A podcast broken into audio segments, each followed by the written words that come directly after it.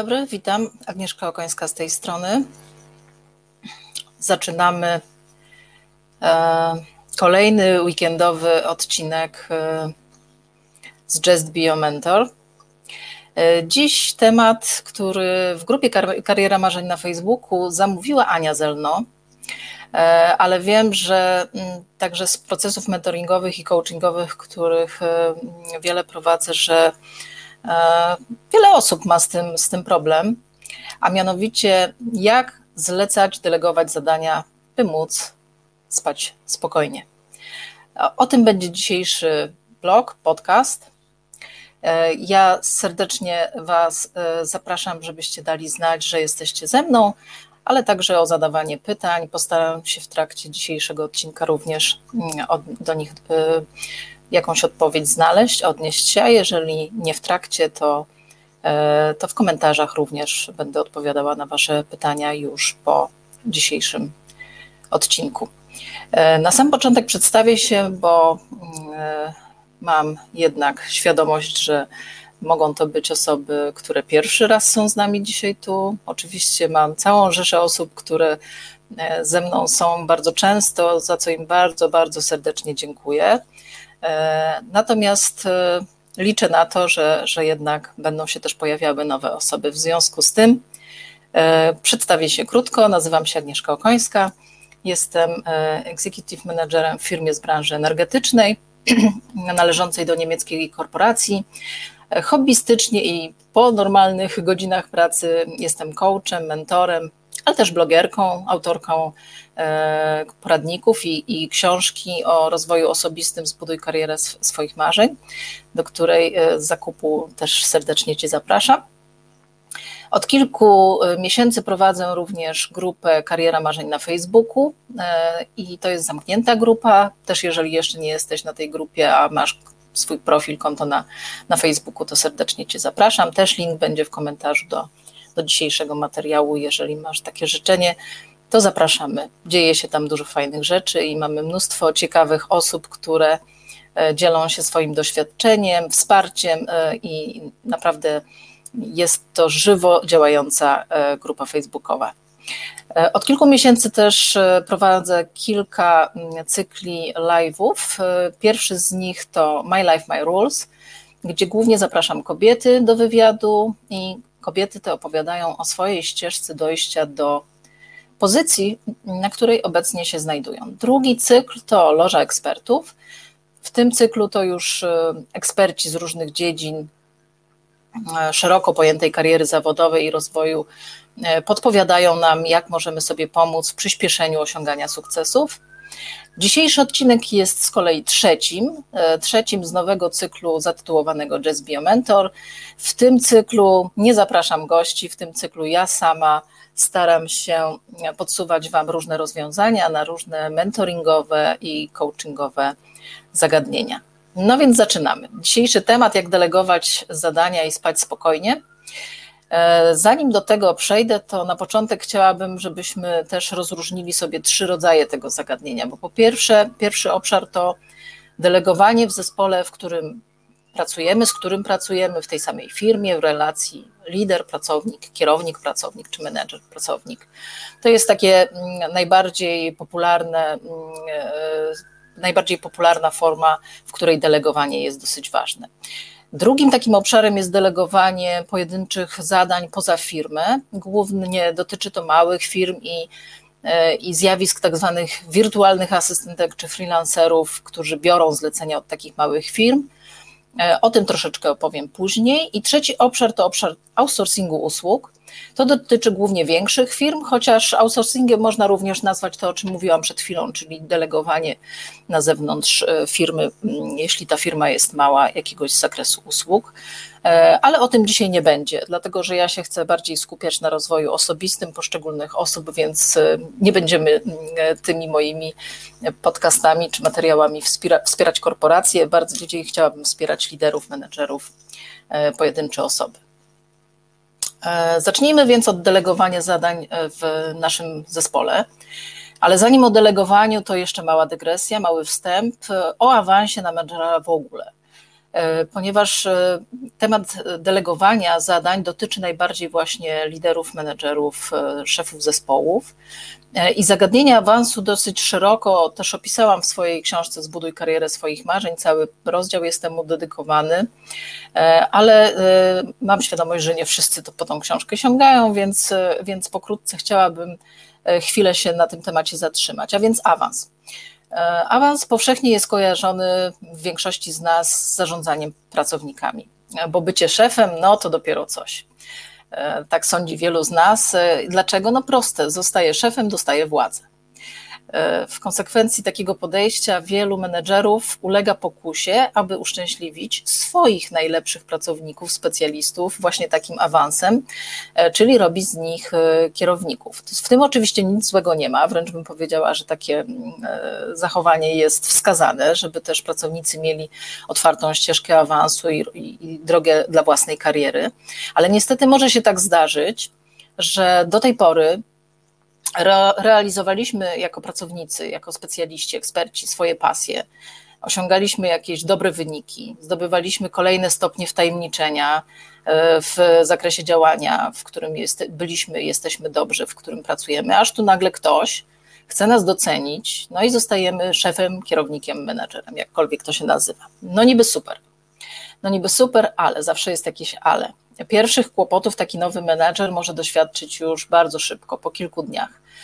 E, ponieważ e, tak naprawdę e, te, te, kłopoty mogą się pojawić już za sprawą swoich dotychczasowych kolegów w zespole, bo jeżeli awansujemy w swoim zespole i dotychczas byliśmy po prostu kolegą jednym z, nagle stajemy się ich menadżerem, ich liderem, szefem, może się okazać, że wszelkie problemy w niedoróbkach pewnych zadań, nieterminowość czy, czy jakieś zaniechania, które do tej pory były dla nas jako pracowników e, nieodpowiedzialnych za całość, nawet powodem do, e, do żartów, czy, czy, czy, czy nie, nie były postrzegane przez nas jako, jako problemy, no to nagle z dnia na dzień przestaje to być śmieszne. E, nawet powiedziałabym, może stać się irytujące. Żeby jeszcze było trudniej, no to Twoim zadaniem jako menadżera, jako lidera, jest y, po prostu wyeliminować te wszystkie niedoróbki i, i niedociągnięcia. E, a zdarza się tak, że szanowni koledzy jakoś niechętni są do współpracy i e, a to na papierosa wychodzą częściej, a to nagle widzimy, czego wcześniej nie widzieliśmy, że śniadanie jedzą przed rozpoczęciem zadań, a przecież powinni przyjść e, do biura już najedzeni i to, co wcześniej kompletnie nie było e, dostrzegane przez nas jako części e, tego zespołu równorzędnej, to teraz jak stajemy się liderem, nagle zaczyna nas kuć, na, nas kuć w oczy i, i to po prostu dostrzegamy. A więc pojawiają się pierwsze kryzysy, no bo zaczynamy zwracać uwagę naszemu zespołowi, że coś jest nie tak, e, więc w tych relacjach zaczyna się bardzo często e, dziać e, nie najlepiej i jako nowy szef najczęściej zostajesz z problemem sam albo sama. Sami musicie znaleźć sposoby, aby sprawnie funkcjonować w tym, w tym takim imadle pomiędzy presją oczekiwań z jednej strony własnego szefa, z drugiej presji zespołu do niedawna, e, do niedawna własnych e, kolegów. I muszę powiedzieć, że niestety badania pokazują, że wiele osób e, nie daje rady, nie, nie, nie udaje im się sprostać tak zaraz na początku tym, tym wyzwaniom. Ułożenie sobie w ogóle takiej współpracy z dotychczasowymi współpracownikami to nie jest też jedyny problem, bo który napotykacie jako, jak, jako młody menedżer, młody szef czy, czy lider jakiegoś zespołu. E, nawet jeśli członkowie tego zespołu akceptują tą Twoją nową rolę, tą Twoją funkcję, którą uzyskałeś, to też należy pamiętać, e, na czym w ogóle polega istota pracy menedżera, bo myślę, że też nie każdy młody menedżer czy osoba, która e, tę funkcję pełni, a czasami nawet nie młody, czasami nawet dłużej pełniący funkcje menedżerskie osoby, nie mają świadomości albo nie zauważają tej zmiany, że menedżer odpowiada za wyniki podległych mu ludzi. Innymi słowy, on dostarcza efekt pracy, ale nie realizuje jej co do zasady osobiście. Ona jest realizowana przez jego zespół, przez jego pracowników, a jego funkcją jako menadżera jest dopilnować, żeby te zadania były realizowane na czas i w dobrej jakości, żeby ten zespół wiedział, co ma robić. I to stanowi przeważnie największe wyzwanie, ponieważ praca taka wymaga zupełnie innych kompetencji niż te, które były wykorzystywane przez takie osoby do tej pory. E, dotychczas osoby, osoby takie wpływały na wyniki swojej pracy samodzielnie, były za nią odpowiedzialne, ale tylko za tą cząstkę, którą realizowały. E, I nawet e, jeśli pracowaliście w zespole, to osobiście wykonywaliście tylko część tej pracy i tylko za tę część bezpośrednio byliście odpowiedzialni. A teraz nagle musicie stworzyć takie warunki, aby, aby inni mogli i, i chcieli przede wszystkim E, dostarczać e, swoje wyniki, a w rezultacie wyniki całego, całego zespołu. I zupełnie czymś innym jest e, bycie ekspertem czy specjalistą, a czymś innym są kompetencje po prostu menedżerskie, zarządzania ludźmi, zarządzania zespołem. I muszę powiedzieć, że ja znam z własnego doświadczenia wspaniałych ekspertów, naprawdę wspaniałych ekspertów, bez których firma mogłaby sobie nie poradzić, gdyby z dnia na dzień straciła tych, tych ludzi. Ale te osoby na przykład kompletnie nie, nadawają, nie nadają się na, na, na menadżerów, nie mają tych predyspozycji, tych kompetencji.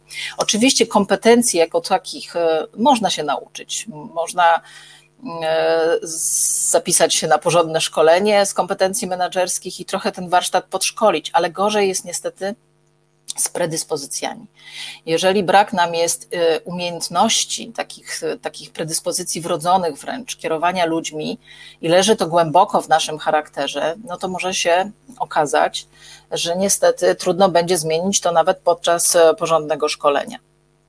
I co, co dzieje się, gdy, gdy pojawiają się pierwsze trudności i, i pojawiają się braki efektów? No, pojawia się a pojawią się bez wątpienia, e, no to mm, sytuacja wygląda w ten sposób, że po prostu z tego Twojego zespołu z dnia na dzień ubył bardzo dobry specjalista, ekspert, Ty, e, a nowy na jego miejsce najczęściej dopiero się wdraża, a w sytuacji e, w której mm, nawet możemy nie mieć zastępcy, to, to ty jako menadżer masz e, jakby problem, bo musisz znaleźć tego e, zastępującego, musisz być może zrekrutować kogoś z rynku, musisz wdrożyć go w te obowiązki i, i to nie jest proces szybki.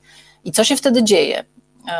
Ano wracają takie osoby bardzo szybko do wytrenowanych sposobów. A czym są te wytrenowane sposoby?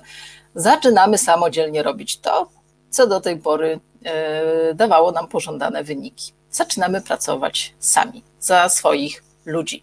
No bo kto jak nie my? Przecież całe życie to robiliśmy, wiemy jak to się robi, więc na pewno bardzo szybko e, jesteśmy w stanie uzupełnić e, te brakujące kompetencje.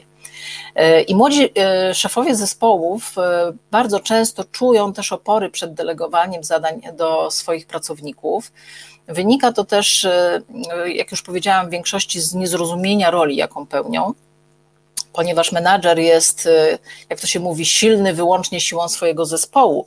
E, a mm, jedną z rzeczy, która wyróżnia menedżera spośród y, innych stanowisk w organizacji, to jest właśnie możliwość delegowania zadań do członków zespołu, którym y, zarządzasz, któremu przewodniczysz, który prowadzisz w swojej firmie. Więc skoro tak, to dlaczego młodzi menedżerowie obawiają się lub e, nie chcą korzystać z tej możliwości, że mają tych ludzi, mogą nimi zarządzać, mogą im delegować? No odpowiedź jest prosta, ponieważ e, gdy nie byli jeszcze menadżerami, e, byli właśnie rozliczani z wykonywania pracy własnej, specjalistycznej, a po awansie po prostu zachowali te swoje wcześniejsze podejście, i przyzwyczajenie przede wszystkim. W takim razie, mm, jako młody, młody menedżer, musisz się po prostu nauczyć przełamywać tą, tą e, barierę wynikającą ze swojego własnego nastawienia i po prostu zacząć z dnia na dzień delegować te zadania. E, I jak zacząć? No bo e, zacząć trzeba tak naprawdę od małych kroków. I, I to nie są rady tylko i wyłącznie też dla młodych menedżerów, którzy nagle z dnia na dzień stali się kierownikami po prostu, e, bo myślę, że z tych rad mogą skorzystać też osoby, które e, są już dłuższy czas osobami zarządzającymi jakim, jakimś zespołem ludzkim, ale niestety nie radzą sobie z delegowaniem. Więc te rady tak samo dotyczą osób z doświadczeniem, ale z e, brakiem tej kompetencji delegowania, jak i dla młodych menadżerów, którzy po prostu nie wiedzą, jak zacząć. Jak powiedziałam, trzeba zacząć od małych kroków. E, przede wszystkim trzeba sobie uświadomić, że mm, e, przekazywanie obowiązków w dół do naszego zespołu będzie przede wszystkim dla nas korzystne. I opieranie się tylko i wyłącznie o własne zasoby i robienie wszystkiego samodzielnie nie jest niczym dobrym i prędzej czy później na pewno się źle skończy. Źle skończy przede wszystkim dla nas, ale też źle skończy dla naszego zespołu, bo prędzej czy później problemy z dowożeniem terminów się pojawią. E, I e, potem należy zacząć od delegowania niewielkich obszarów. Powoli mm, pozwoli nam to też e, zdobyć, zdobyć zaufanie do naszego zespołu, ale także do rozwijanych przez, przez nas umiejętności menedżerskich. Jakby nie ma co rzucać się od razu na głęboką wodę i robić wielkie kroki.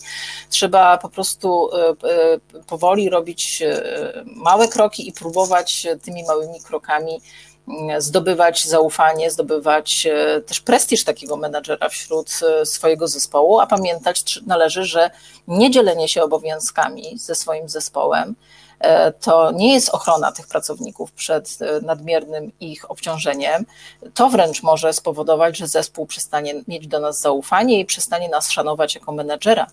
E, więc to, to, to czasami jest bardzo złudne, że, że my chronimy swój zespół, tak naprawdę nikogo nie chronimy, a tym bardziej nie chronimy siebie.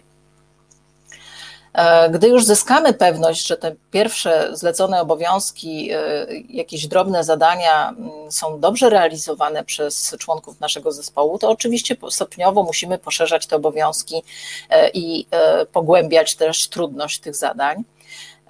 I przy takim delegowaniu pierwszych zadań przede wszystkim bardzo ważne jest, by nie tylko dać członkom naszego zespołu odpowiedni czas na to wykonanie zadania, bo to jest bardzo ważne, ale także e, pamiętajcie, żeby zarezerwować sobie pewną ilość e, czasu na ewentualną pomoc czy informację zwrotną, bo zawsze na początku nasi pracownicy będą mieli problem z wykonywaniem tych zadań i nie możemy czekać, aż termin upłynie realizacji i wezwać do siebie pracownika i spytać, zrobione czy nie.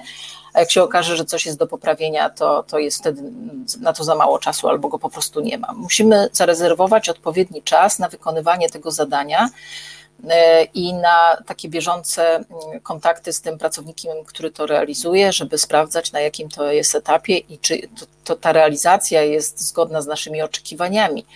E, to i tak zajmie nam mniej czasu, niż gdybyśmy zajmowali się tym sami. To, to na 100%, ale jednak ten czas na początku przynajmniej, kiedy ten zespół zaczynamy tak w, kolokwialnie mówiąc oswajać i poznawać ich kompetencje, jeżeli jesteśmy z tego zespołu, to jest już lepiej, bo poznamy tych ludzi i wiemy, co potrafią.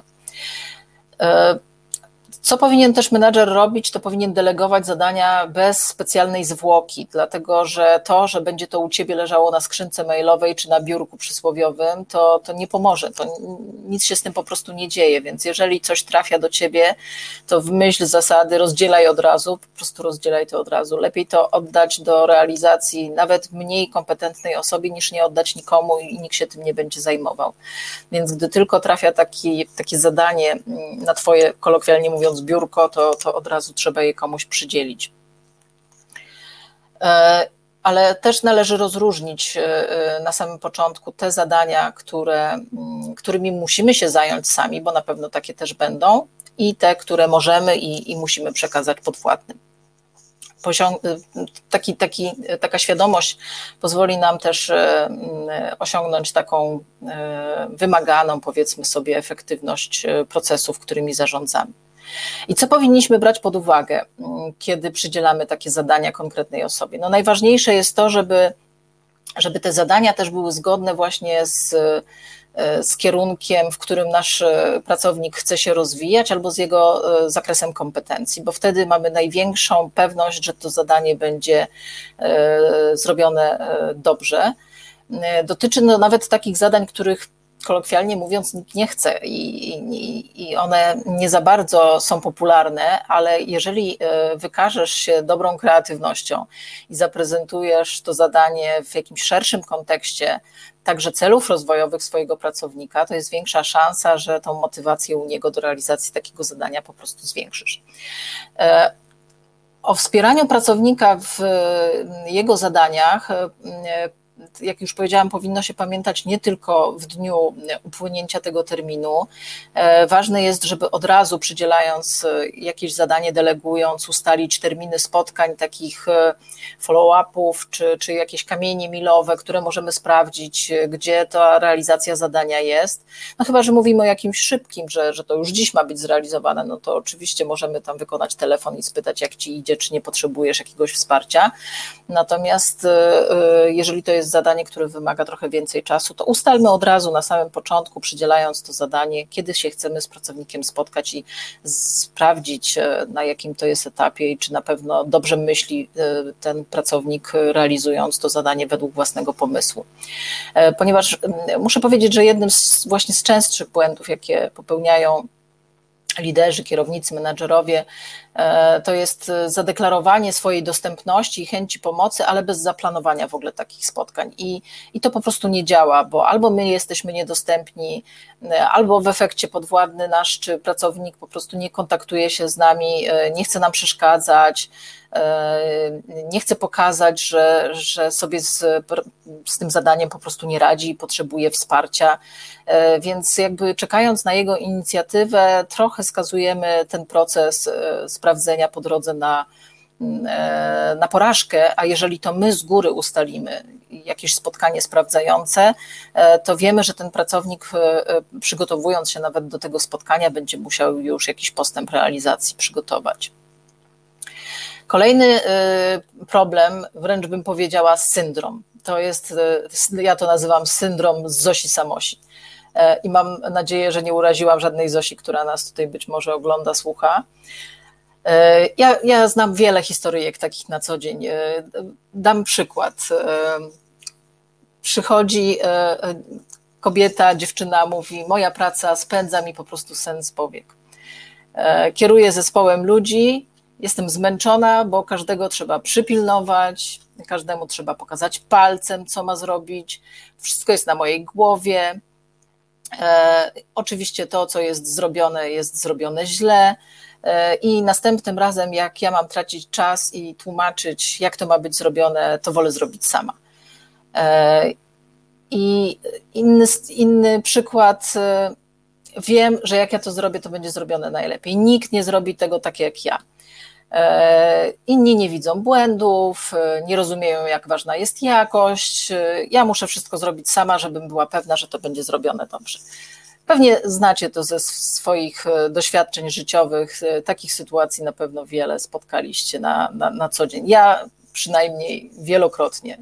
E, kiedyś może nawet bym mogła powiedzieć, że sama taka byłam, ale na szczęście, na szczęście z tego, z tego wyrosłam. Więc te, te moje audycje są po to, żebyście nie musieli czekać, aż wyrośniecie, tylko żebyście mogli skorzystać z tych e, porad, z doświadczeń e, wcześniej. I oczywiście, jak pisałam też w zapowiedzi do, dzisiejszego, mm, do dzisiejszej audycji, jest naprawdę naturalne, i to wynika z naszych charakterów, że innych ludzi mierzymy z taką miarką, jaką my jesteśmy. Jeżeli dla nas e, wartością samą w sobie jest pracowitość, dokładność, zaangażowanie, e, lojalność, e, to, że jak obiecamy, że coś zrobimy, to będzie zrobione. E, to liczymy na to, że wszyscy wokół nas, a przede wszystkim nasi pracownicy też tak myślą i też tacy są. No niestety rzeczywistość nie jest taka różowa i, i wygląda jednak inaczej, bo każdy z nas niestety albo stety jest inny. A skoro jest inny, to ma zarówno odmienne standardy pracy, życia, inaczej przeżywa te trudy codziennego dnia i inaczej e, wartościuje e, tak zwany work-life balance, inaczej czas poświęca rodzinie, pracy, e, inne ma pojęcie jakości, smaku, piękna, stylistyki. Można by tu wymieniać bardzo długo. I oczekiwanie, że ktoś dokładnie tak myśli i czuje jak my, jest błędem. wręcz bym powiedziała, że należy zakładać, że mało kto myśli i czuje tak jak my. Jasne, że możemy sobie dopiera, dobierać nasz zespół, jeżeli mamy taką mm, e, możliwość, jeżeli mamy tak, takie warunki w swojej firmie, że możemy sobie ten zespół dobrać, że możemy znaleźć samodzielnie ludzi, których odpowiednio będziemy selekcjonować podczas rekrutacji, będziemy szukać osoby, które dokładnie podobnie, bo nie identycznie, ale podobnie myślą jak my, podobnie czują jak my, podobne zaangażowanie wykazują jak my, to jest duże prawdopodobieństwo, że ten zespół sobie dobierzemy fajnie i będzie nam się dobrze pracować. Tylko umówmy się, ile jest takich e, możliwości, żebyśmy mogli sobie ten zespół tworzyć od zera. Przeważnie jesteśmy e, awansowani w zespole, w którym już pracujemy, albo też e, e, dostajemy propozycję objęcia jakiegoś innego zespołu. Tam jest już ten zespół, tam są jacyś ludzie. No nie wymienimy ich z dnia na dzień. Pewnie możemy sobie raz na jakiś czas pozwolić na jakąś rekrutację, bo ktoś odchodzi albo, albo pojawi się jakiś wakat i możemy wtedy sobie dobierać ludzi już według własnego poczucia wartości. No ale to nie jest zbyt częsty proces. W związku z tym naszym zadaniem jako menadżera jest e, zarządzać tym, co mamy i e, zarządzać też tą różnorodnością, którą mamy w zespole. A to jest jedna z też z ważniejszych kompetencji e, liderów czy menedżerów e, w zarządzaniu zespołami. I to, co tu się bardzo dobrze sprawdza w takiej sytuacji, jeżeli mamy taki, taki charakter i tak, tak czujemy, że chcielibyśmy, żeby wszyscy pracownicy byli dokładnie tacy jak my, to uświadomienie sobie, że mm, zrobione zadanie jest lepsze od doskonałego zadania. I to nie chodzi o to, żeby kompletnie porzucić jakość i żeby było byle jak, ale to chodzi o to, że jeżeli widzimy, że nie będzie doskonale, albo doskonale będzie tylko wtedy, kiedy my to zrobimy, a my nie możemy zrobić wszystkiego, to czasami musimy po prostu odpuścić i musimy e, zacząć e, dawać szansę naszemu zespołowi, żeby e, nasi pracownicy mogli zrobić konkretne zadania trochę po swojemu, trochę według własnego pomysłu. E, I e, to jest bardzo ważne, żeby też patrzeć na realizację zadań przez pryzmat celu, a nie sposobu, w jaki będzie to zadanie zrealizowane. Bo każdy z nas może do, do, tego samego celu dojść inną drogą.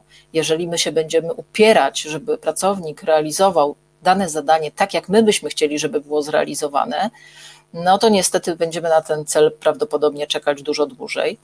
E, a jednak e, to, to ten cel jest e, najważniejszy, czyli osiągnięcie tego zadania, zrealizowanie go taka e, możliwość e, dania wolnej ręki naszym pracownikom, oczywiście no, musicie mieć wyczucie i wiedzieć, czy, e, czy, czy można to zrobić w danym momencie, czy ten pracownik poradzi sobie z, z tym zadaniem, ale jeżeli tak, to nawet danie takiej wolnej ręki pozwoli Wam poznać trochę inny punkt widzenia na daną sytuację, na dane zadanie, bo będziecie mogli poznać perspektywę tego pracownika, co jest dla Was jako menadżerów również e, bardzo dobre, bo, bo daje Wam pewną wiedzę, i działa również e, pouczająco dla Was jako menadżerów, więc warto, warto to e, realizować.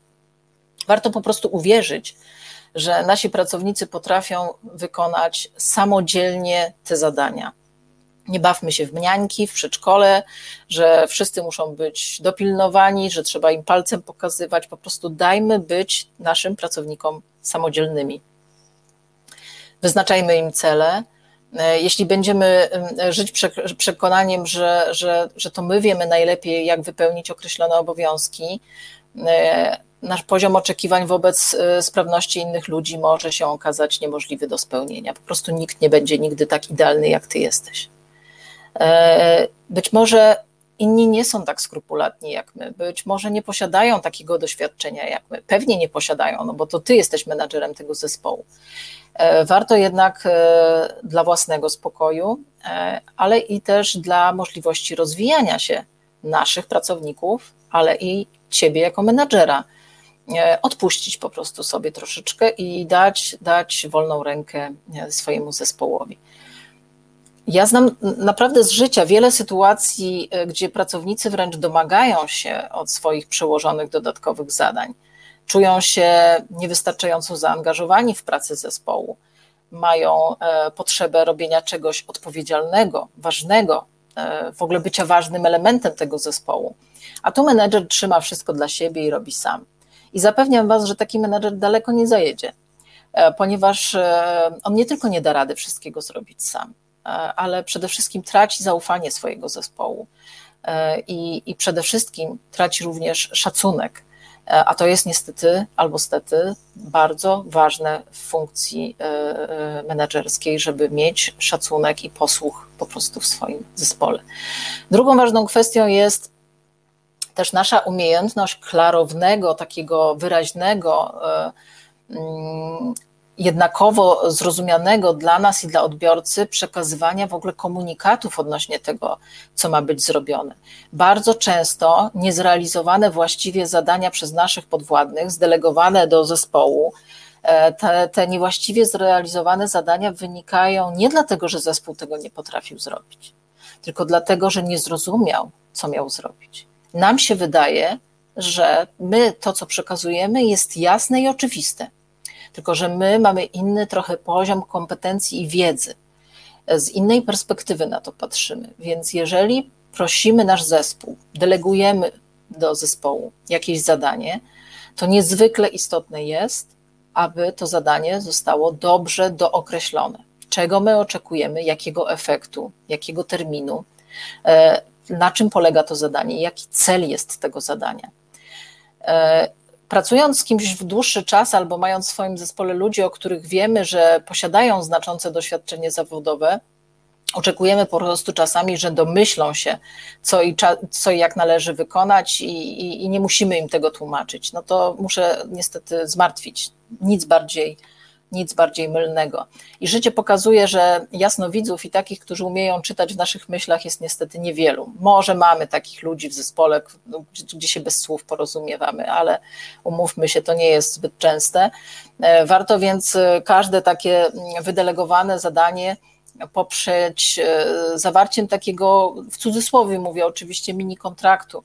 To może być ustne ustalenie, jeśli to jest jakieś małe zadanie, krótkie zadanie, ale w przypadku bardziej złożonych, to ja bym zalecała chociaż maila.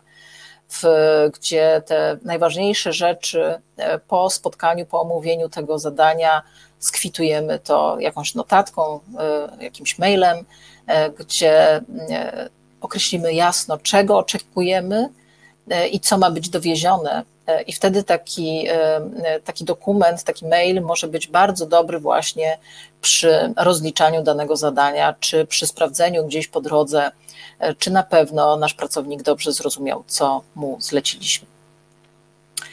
A co jeśli wykonanie takiego zadania jest e, po prostu nie na najlepszym poziomie? To jeszcze przed e, naszym spotkaniem na LinkedInie widziałam takie komentarze e, osób, które, które się odnosiły do, do tego dzisiejszego spotkania i mówiły, że no co z tego, że deleguję, jak to, to co otrzymuję, to po prostu jest bardzo, bardzo słabej jakości. No, oczywiście są takie sytuacje i, i, zdarzają się zespoły, z których trudno wycisnąć coś więcej, ale tak czy inaczej, jeżeli nie masz szansy zmienić tego zespołu, e, no to ty jesteś po to menadżerem, żeby starać się zarządzać tą sytuacją. Myślę, że bardzo ważne jest porozmawiać e, z takim pracownikiem czy z pracownikami o tym, co mogą poprawić, warto też chwalić jednak e, mocne strony i te, te rzeczy, które w danym zadaniu jednak były dobrze zrobione, bo w ten sposób też osoba odpowiedzialna za to zadanie będzie czuła się doceniona, ale też i zmotywowana i pozwoli jej e, w kolejnym zadaniu być może nawet się samodoskonalić.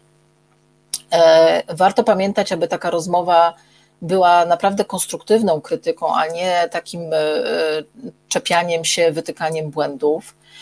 E, myślę, że też warto zrobić po, po odebraniu takiej wykonanej pracy albo w trakcie jej sprawdzania w, gdzieś tam w połowie, w jakimś checkpoincie, e, warto dać też feedback też spisany, najlepiej mailem, co jest ok, a co nie i dlaczego nie jest ok takie spisanie błędów pozwoli unikać ich w kolejnych zadaniach bardzo podobnych, ponieważ dla takiego pracownika mogą stanowić taką checklistę. I tutaj podam przykład który jedna z moich koleżanek opowiadała, że bardzo ważne jest w jej firmie robienie prezentacji dla klientów. To jest po prostu wizytówka ich firmy i, i, i bardzo dużą wagę przywiązują do jakości.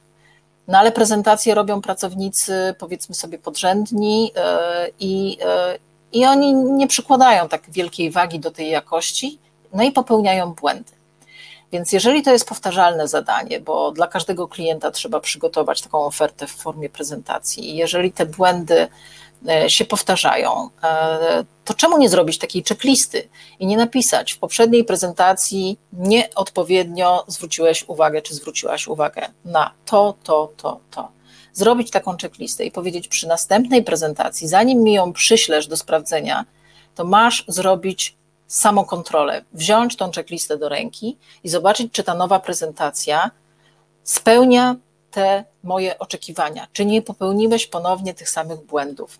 I to za każdym razem, za każdym kolejnym zadaniem będzie procentowało, a ten pracownik będzie uczył się tej jakości, będzie wiedział, na co zwrócić największą uwagę. Jeżeli to tylko będzie omówienie, takie ustne, to jest duże prawdopodobieństwo, że nawet jeśli ten pracownik się przejmie w danym momencie, kiedy tą krytykę usłyszy, to przy kolejnej, e, przy kolejnej e, prezentacji, czy przy kolejnym dokumencie, czy przy kolejnym zadaniu, mówiąc już szerzej, nie będzie pamiętał o tym, co wtedy było niezrealizowane, bo e, każde zadanie ma jakieś e, niedoskonałości, więc e, warto z nich po prostu robić, sobie spisywać takie notatki. Jak zacząć w ogóle naukę delegowania, jeżeli mamy z tym problem? Wiele osób mówi mi, że no nie potrafi, nie potrafi oddać tego, co robi, bo, bo są zawsze jakieś obawy, zawsze jakieś ale albo jakaś Zosia Samosia. Myślę, że najlepszym e, sposobem na to jest wyobrażenie sobie, może nie najlepszej sytuacji, ale jednak myślę, że koniecznej, że nagle z powodu, nie wiem, wyjazdu, choroby naszej, jakiejś innej okoliczności, nagle z dnia na dzień nie jesteśmy w stanie pojawić się w pracy i zająć się naszymi obowiązkami. Takie sytuacje naprawdę się zdarzają. Przypadki chodzą po ludziach. W związku z tym zawsze może coś takiego się zdarzyć. Jeżeli się skonfrontujemy z taką myślą, że może to nastąpić, to e, myślę, że mamy większą szansę, żeby pójść po prostu o krok dalej w naszym treningu delegowania. Kolejne zadanie to wyznaczenie też e, listy naszych e, celów albo takich cyklicznych zadań, które realizuje zespół, podzielenie ich na najtrudniejsze do osiągnięcia, najbardziej skomplikowane następnie analiza zespołu, którym kierujemy. E, musimy wybrać osobę uznawaną przez nas i przez e, być może zespół za najzdolniejszą, najdokładniejszą, naj we wszystkim. Zawsze w każdym zespole jest jakiś, jakaś gwiazda. Nawet jeżeli ona troszkę mniej świeci, to naprawdę jesteśmy w stanie z zespołu znaleźć osobę, która najlepiej performuje. I tą osobę obdarzyć tymi najbardziej skomplikowanymi zadaniami, które mamy na naszej liście. No bo kto, jak nie taki pracownik, nie no oczywiście poza nami, no bo my to wiadomo, zrobilibyśmy to najlepiej, ale kto jak nie taki pracownik może uporać się z tak trudnym zadaniem? No nikogo lepszego mieć nie będziemy, więc warto, e, warto zrobić podział zadań i podział pracowników, żeby móc przypisać kto czym w miarę efektywnie może się zająć. No i ponownie y, jasna komunikacja, y, y, jasne określenie, co, co jest do zrobienia, ale już samą kwestię tak zwaną narzędziową, czyli jak to zrobić, pozostawiłabym już naprawdę do wyboru naszemu, naszemu pracownikowi, ponieważ jeśli zaczynamy w ogóle eksperymentować z delegowaniem zadań, to dobrze jest E, właśnie umówić się na, na takie weryfikowanie postępów i jeżeli pracownik robi to po swojemu, swoją metodą, to też jesteśmy w stanie zweryfikować po drodze, czy, czy on nie brnie gdzieś e, w, e, w, po prostu w jakiś kanał i czy to zadanie ma szansę być zrealizowane, ale nie starajmy się na siłę przekierować go na tory i metody swojego działania, tylko mm, realnie oceńmy, E, czy faktycznie ten pracownik jest w stanie to zadanie zrealizować po swojemu, czy metodę, którą obrał, obrał całkowicie źle i to zadanie po prostu nie ma szansy być zrealizowane. I tu musi być naprawdę Twoja dojrzałość menedżerska e, zweryfikowana, bo, bo, bo mamy takie ciągoty, żeby E, żeby skrytykować, że to zadanie jest źle robione tylko dlatego, że jest robione inaczej, a musimy patrzeć z perspektywy wykonania celu, a nie metody. E, są też strategie na, na, na, pracowników, co do których doświadczenia, wiedzy i umiejętności po prostu mamy pewne zastrzeżenia, też są tacy w każdym zespole. E, takim osobom warto jest delegować zadania, które uznajemy po prostu za najmniej skomplikowane albo które nie mają po prostu jakiejś strategicznej wartości dla, dla naszego projektu, czy naszej organizacji, czy naszego zespołu. E, ale dając takie mniej skomplikowane zadania takim osobom, delegując jednak e, cokolwiek tym pracownikom, to też będziemy mieli okazję e, po pierwsze zwiększyć ich zawodową przydatność w tym zespole, a my będziemy mogli się po prostu przyglądać umiejętnościom i, i sprawności takiego pracownika. Zalecałabym jednak unikanie wrzucania takich osób na głęboką wodę i, i myślenie, że no najwyżej się utopi. No to, to, to nie, to tędy to na pewno nie. E, to jednak e, jeżeli wiemy, że pracownik ma mniejsze kompetencje, to po prostu odpowiednio trzeba dobierać e, zadania do tych kompetencji. Zawsze mogą być one odrobinę wyższe, te zadania od tych kompetencji. One będą pozwalały się pracownikowi rozwijać, będą pozwalały motywować do robienia czegoś poważniejszego, czegoś bardziej odpowiedzialnego, ale to nie może być skok na głęboką wodę, bo to będzie porażka najprawdopodobniej. Oczywiście może się zdarzyć, że się uda, ale to ryzyko, czy się uda, czy się nie uda, wtedy my bierzemy jako menadżer na siebie. Kolejny etap e, w delegowaniu to przekazanie takich czynności, które wymagają podejmowania mniej lub bardziej odpowiedzialnych decyzji. E, I to jest kolejny poziom wtajemniczenia, bo samo delegowanie zadań to jedno, a e, próba delegowania odpowiedzialności i decyzji e, to drugie. Mm, I w tej roli nie każdy pracownik się sprawdzi, i po Twojej stronie, jako menadżera, jako lidera, jest po prostu znalezienie odpowiedniej osoby, która, która podoła powierzonym obowiązkom. E, ale trzeba powiedzieć, że świadomy i dojrzały menedżer potrafi wychować swojego zastępcę, swojego sukcesora. Natomiast niedojrzały i taki, który boi się, że, że takie działanie, mm, to hodowanie konkurencji w swoim zespole, że ta osoba, której oddajemy część swojej władzy, może nas, kolokwialnie mówiąc, wygryźć z naszego stanowiska, e, no to, to nie jesteśmy w stanie e, zrobić tego kroku, kroku dalej. No tylko pytanie teraz, kim ty jako menadżer chcesz być? Czy dojrzałym, czy obawiającym się konkurencji? Z mojego doświadczenia wiem, że mm, znam wielu menedżerów, którzy dzielą się swoją wiedzą w 100% ze swoimi ludźmi, a nawet więcej. Wyciągają ich za uszy, promują i naprawdę nie obawiają się o swoje e, e, stołki, o swoje stanowiska e, i te zespoły performują najlepiej ze wszystkich.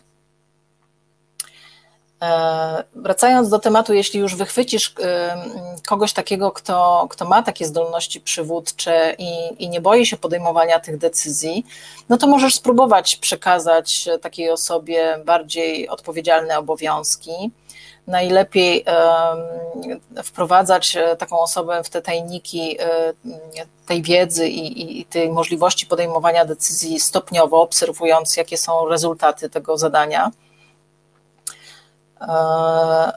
a jak, jak zobaczysz, że, mm, że to się sprawdza, to, to można iść kolejny krok dalej i zlecać e, coraz większe zakresy odpowiedzialności, coraz większe części projektu, czy pozwalać też podejmować częściowo decyzje i brać za nie odpowiedzialność, bo to jest bardzo ważne. Osoby, które chcą podejmować decyzje, a jednocześnie nie chcą brać odpowiedzialności za te podjęte decyzje, nie są e, wystarczająco dojrzałe, żeby e, tym się zajmować, tym, czyli podejmowaniem tych decyzji. Mm.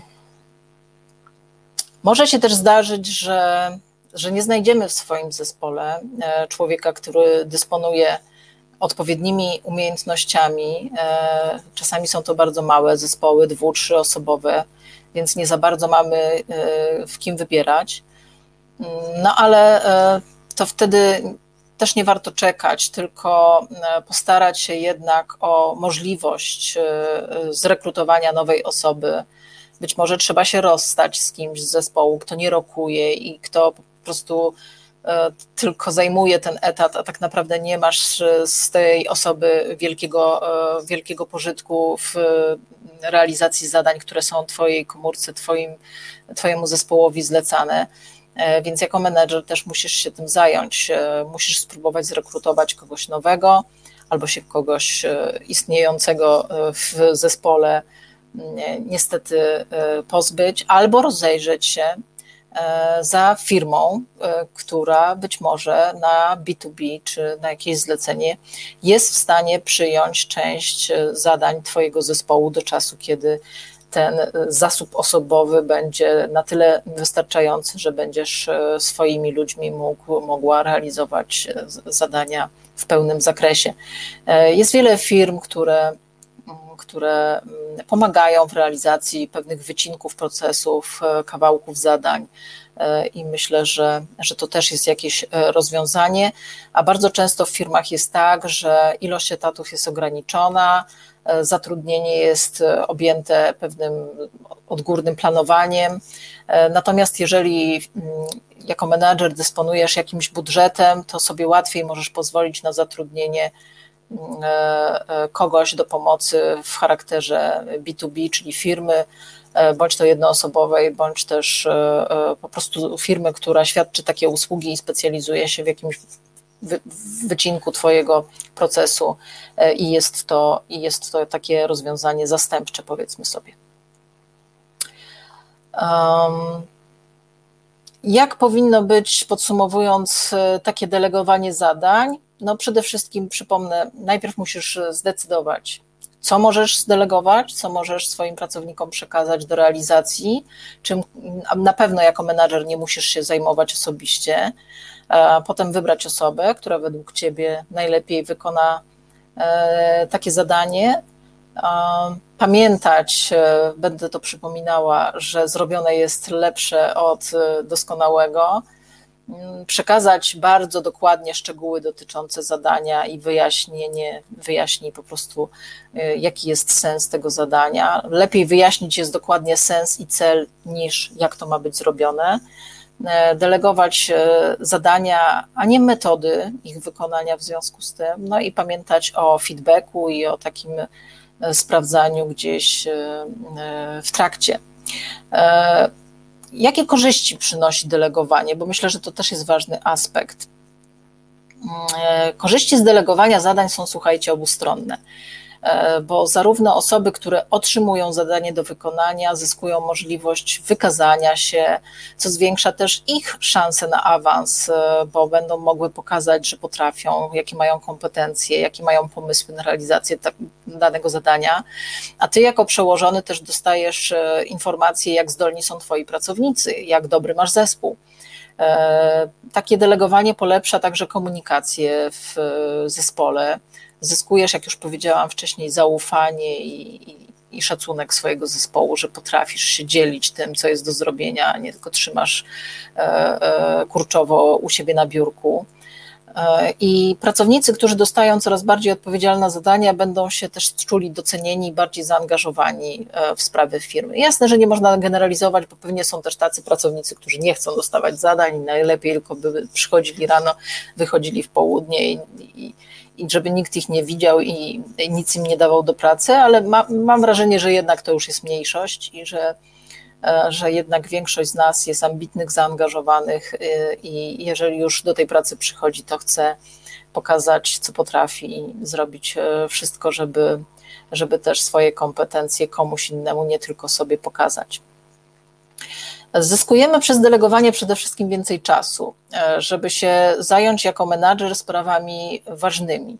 Menadżer powinien mieć czas zupełnie na coś innego. Menadżer powinien mieć więcej czasu na myślenie strategiczne, na zarządzanie zespołem, na przeprowadzanie rozmów chociażby rozwojowych z pracownikami, a zbyt dużo zadań, jeżeli masz na głowie jako menadżer, to po prostu mm, szybko dopadnie cię po pierwsze zmęczenie, bo, bo tych funkcji menedżerskich nikt z ciebie nie zdejmie, a oprócz tego robisz to, co to, co pracownik twój powinien robić, więc robisz tak naprawdę za dwa etaty, więc prędzej czy później zmęczenie cię na pewno dopadnie. Na początku być może po awansie jest jakaś euforia i chcemy pokazać, że potrafimy wszystko, ale prędzej czy później na dłuższą metę to, to, to, to się tak po prostu nie da. Utoniesz w tym nawale obowiązków, a, a to bardzo szybko doprowadzi do wyczerpania i frustracji, więc y, myślę, że warto, aby pamiętać, żeby tak e, prowadzić swój zespół, aby minimalizować zarówno poziom stresu, jak i ryzyko Twojego wypalenia zawodowego, bo to też e, bardzo często dopada osoby przepracowane i przeciążone. E, przekazywanie obowiązków to też nic złego. To nie jest tak, że spychamy z siebie wszystko na, na, na pracowników, wręcz przeciwnie. Takie delegowanie ma wiele zalet i strach przed e, takim oddawaniem części odpowiedzialności komuś innemu ogranicza bardzo wielu przedsiębiorców i bardzo wielu menadżerów, e, a przez to ich, e, ich zespoły, ich biznesy, ich firmy nie mogą w pełni rozwinąć skrzydeł. Ja też znam firmę, w której przez chwilę pracowałam, która przez kilka lat z małej, powiedzmy, garażowej firmy stała się wielką korporacją i, e, i, i właściciel, jej szef miał problemy z oddawaniem e, kompetencji zarządczych innym osobom, a niestety firma się bardzo zmieniła w międzyczasie i ogarnianie wszystkich aspektów tak wielkiej korporacji jest zupełnie czymś innym niż ogarnianie kilkuosobowego małego warsztatu.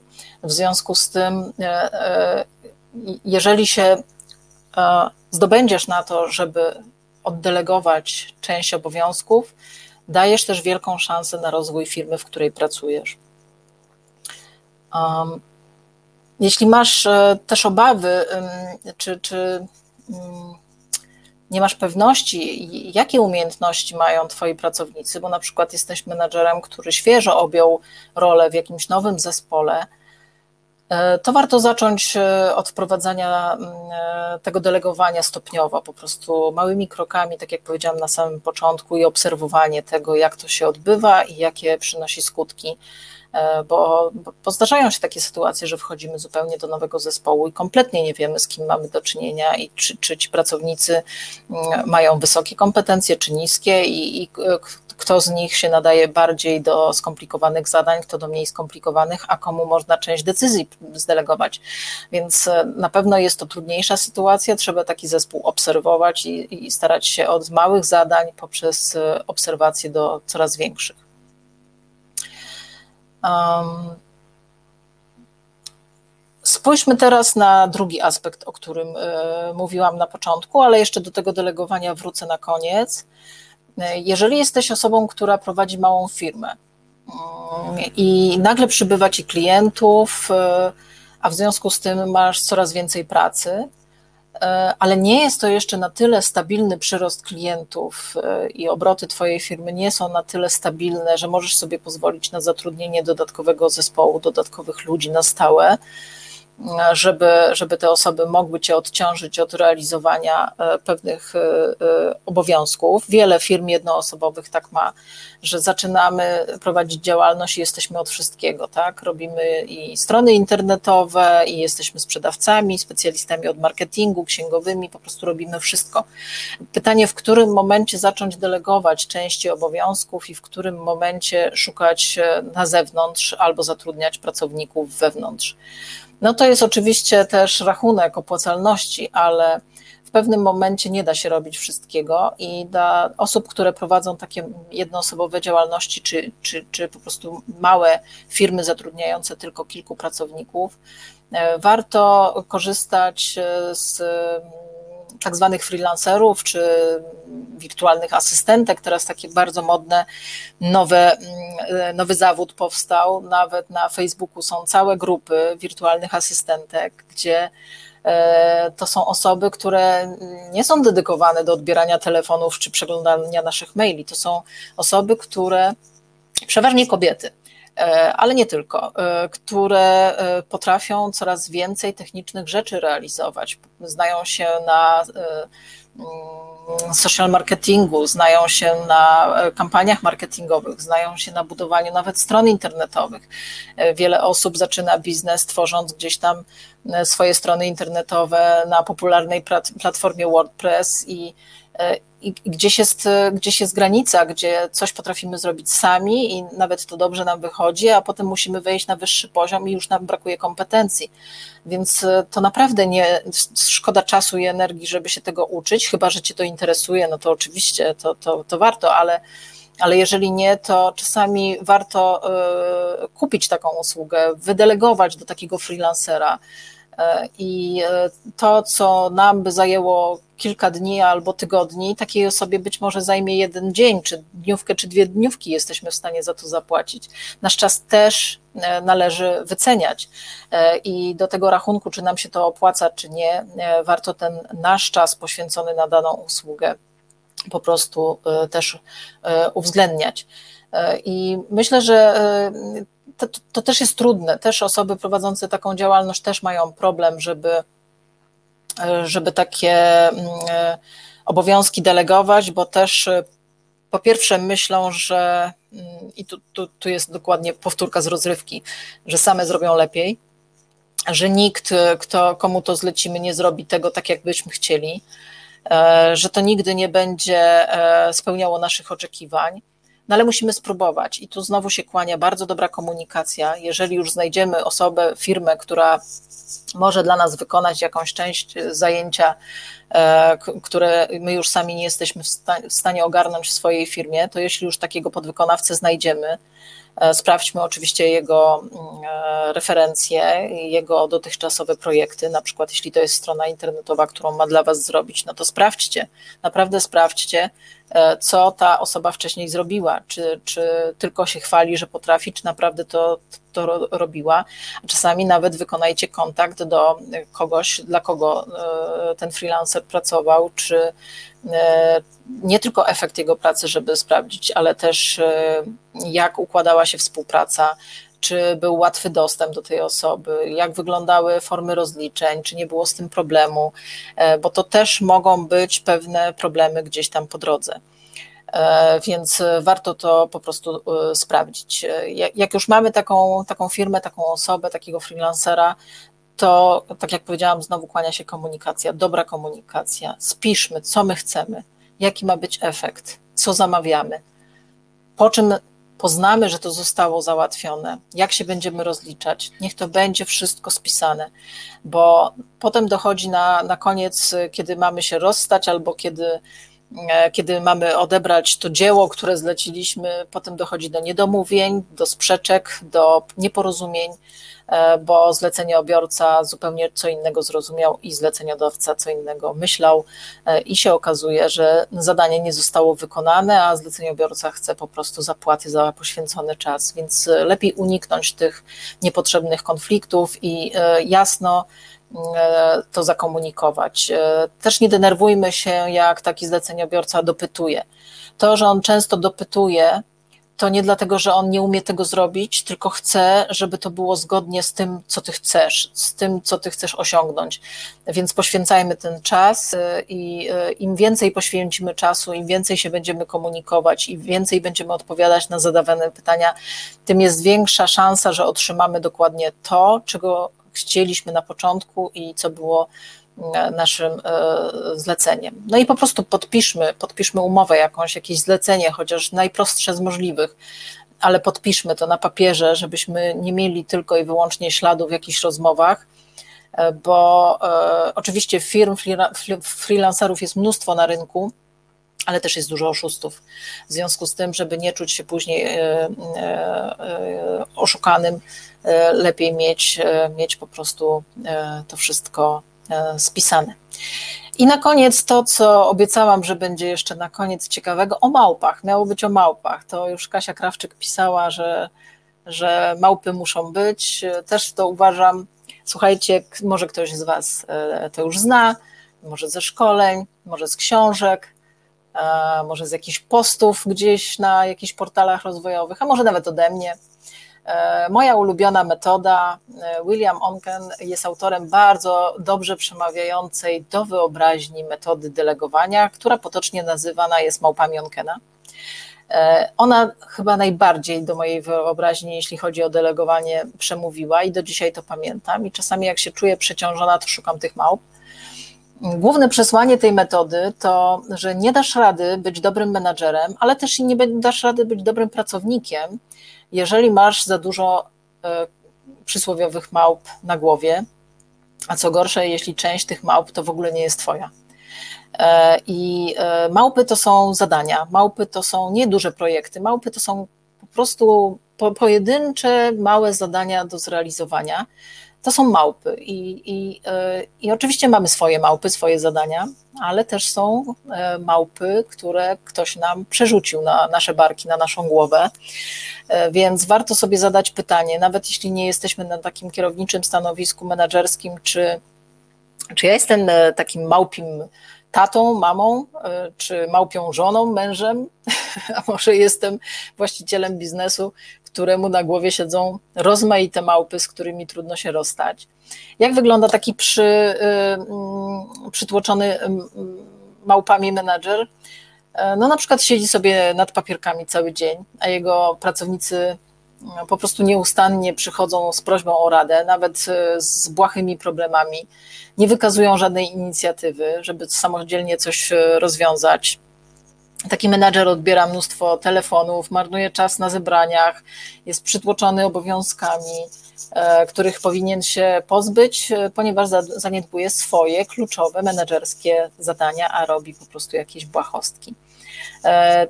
Prawdopodobnie takiego menadżera przełożony też to widzi, też jest zaniepokojony e, sytuacją i prawdopodobnie też radzi, żeby przekazał część swoich obowiązków podwładnym, ale taki menadżer jest po prostu Zosią Samosią e, i taki nasz bohater czuje się, mimo że czuje się przepracowany, to jednocześnie też wie, że nie może nikomu powierzyć swoich obowiązków, e, gdyż nie wierzy, że jego zespół sobie poradzi z tymi, z tymi obowiązkami. No klasyk bym powiedziała. Więc e, nazywając te, te wszystkie obowiązki małpami, e, jak to działa, żeby, żeby, żeby uzmysłowić też Wam, którzy nie znają tej metody, jak potem warto w normalnym, codziennym trybie pracy sobie o tych małpach przypominać i jak je postrzegać. Powiedzmy, że ja idę sobie korytarzem w firmie, no i spotykam jakiegoś pracownika, e, niekoniecznie bezpośrednio nawet do mnie raportującego. No i oczywiście on mnie wita, tam dzień dobry pani dyrektor czy pani prezes, mogę pani zająć chwilkę. No oczywiście, że się zatrzymam i, i, i że poświęcę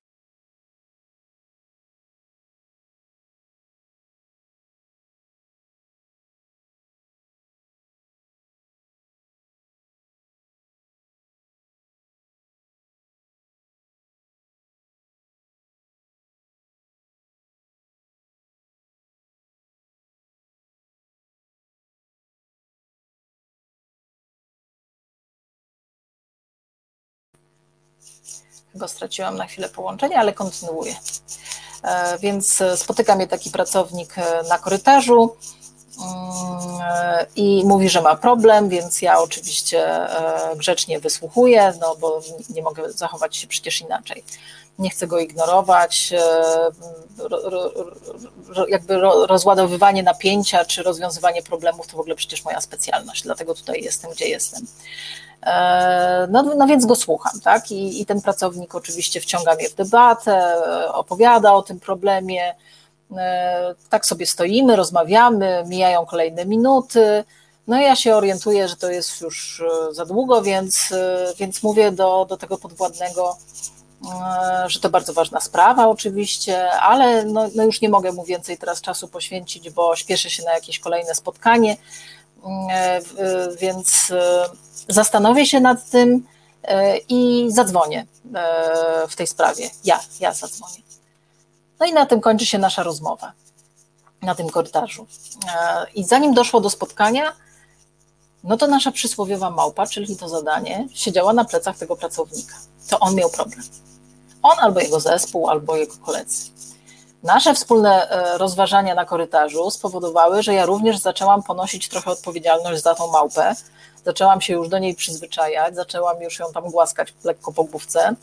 E, no ale w momencie, kiedy powiedziałam, że zastanowię się nad tym i zadzwonię do tego pracownika, problem spadł już w całości na moje barki. Małpa już się rozlokowała mi na głowie czy na barkach i poszła ze mną do mojego pokoju. E, więc mój podwładny z którym rozmawiałam na korytarzu, mógł z czystym sumieniem wrócić do siebie, do swoich pozostałych obowiązków, e, bo omawiana kwestia właśnie przestała dla niego po prostu istnieć. On po prostu zrzucił tą małpę z siebie na moje plecy i co pomyśli? No powiedziałem jej, powiedziała, że się tym zajmie, no to się zajmie. Więc e, on już przestaje się w tym momencie w ogóle interesować i dopóki ja nie oddzwonię, to dla niego ten temat nie istnieje. E, tymczasem ja e, zyskałam wiernego towarzysza w postaci cudzej małpy, małpy mojego pracownika. E, I jeżeli tak będziecie patrzeć, jak, jak na te małpy, na problemy, które rozwiązujecie, na zadania, które bierzecie, na każdą rozmowę z pracownikiem, bądź też podwładnym, bądź też równorzędnym, a może nawet ze swoim szefem, jeżeli będziecie patrzeć na to wszystko z perspektywy tych małp, bardzo szeroko otworzą Wam się oczy. E, ponieważ e, e, w tym przykładzie, o którym ja przed chwilą opowiedziałam, my się po prostu zamieniliśmy rolami z tym, z tym moim pracownikiem. Ja po prostu przejęłam jego obowiązki i, i obiecałam, że to ja się zajmę, że to ja się zajmę tym problemem. Więc moi drodzy, proces delegowania zadań to jest sztuka, pod tytułem Jak zarządzać małpim stadem. E, I myślę, że ta historyjka o małpach, e, warto ją też doczytać. E, myślę, że dosyć krótko ta, ta teoria małp, zarządzania małpami przez Onkena jest chyba w książce jednominutowy menadżer opisany. Ja tej książki nie czytałam, czytałam tylko samą metodę Onkena, ale wydaje mi się, że ona jest w tej książce opisana. E, ja w swoim życiu wiele małp się pozbyłam, również zawodowym. Zdecydowanie odczuwam większą, większą ilość czasu.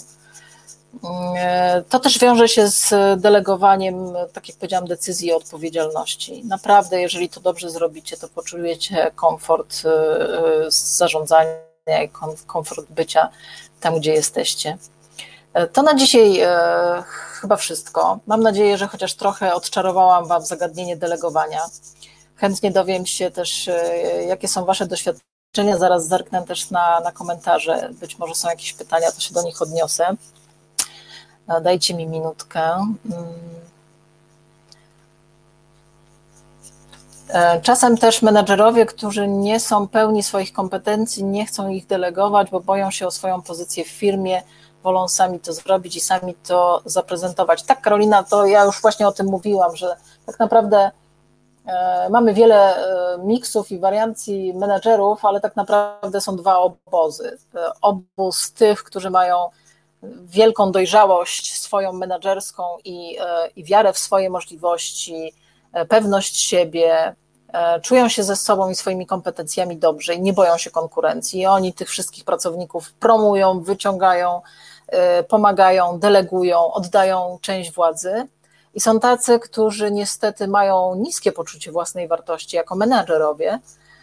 I ci niestety, co do zasady, obawiają się konkurencji ze strony swoich pracowników. W związku z tym, to, o czym mówisz, o, tym, o czym ja trochę mówiłam, to jest w sytuacji, kiedy, kiedy mamy do czynienia z takim menedżerem, który ma niskie poczucie swojej wartości, boi się utraty swojego stanowiska, E, i w związku z tym nie dzieli się ani obowiązkami, ani odpowiedzialnością, ani de decyzjami, e, bo boi się o swoją pozycję. E, I jak walczyć z praktyką, kiedy menedżer, nasz szef podpisuje się pod naszymi wynikami pracy? To już kiedyś na jakimś spotkaniu o tym mówiłam, ale przypomnę jeszcze raz. No, my musimy być w całym swoim przebiegu kariery zawodowej E, specjalistą do spraw marketingu własnego produktu, czyli siebie. musimy zadbać o to, żeby nasze działania, nasza aktywność, nasze pomysły, nasza kreatywność ujrzały światło dzienne i żeby wszyscy dookoła wiedzieli, że to jest nasze.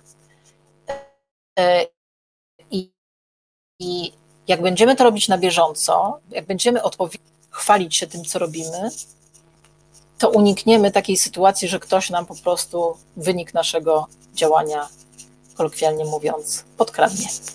E, więc zachęcam, żeby dbać o marketing siebie, żeby promować e, to, co robimy na co dzień. E, to tyle na dzisiaj. Jeśli nadal macie problem z delegowaniem albo z jakimś innym menedżerskim zagadnieniem, to zachęcam do kontaktu ze mną. Zapraszam na bezpłatną konsultację, taką mentoringowo-coachingową. Można się ze mną umówić na stronie mojego bloga Just Be a Mentor. Tam jest zakładka coaching, mentoring, jest dostępny kalendarz, można sobie wybrać dogodną godzinę i takie 45 minut sobie e, na pogadanie ze mną umówić. E, widzimy się w najbliższą środę. E, w najbliższą środę będzie 15 odcinek My Life, My Rules, kolejny z arcyciekawą kobietą, Dorotą Szparagą. Jeszcze dzisiaj pojawi się zapowiedź tego wywiadu na moich mediach społecznościowych. A w kolejny weekend, e, jeszcze nie wiem, w sobotę czy w niedzielę, e, kolejny e, materiał z cyklu Just Bio Mentor. Jaki to będzie temat, jeszcze nie wiem. Szczerze mówiąc, podejmuję decyzję, o czym będę mówić na dzień przed, jak muszę zrobić zapowiedź, więc to nie jest tak, że buduję napięcie. Naprawdę jeszcze nie wiem, o czym będę mówić.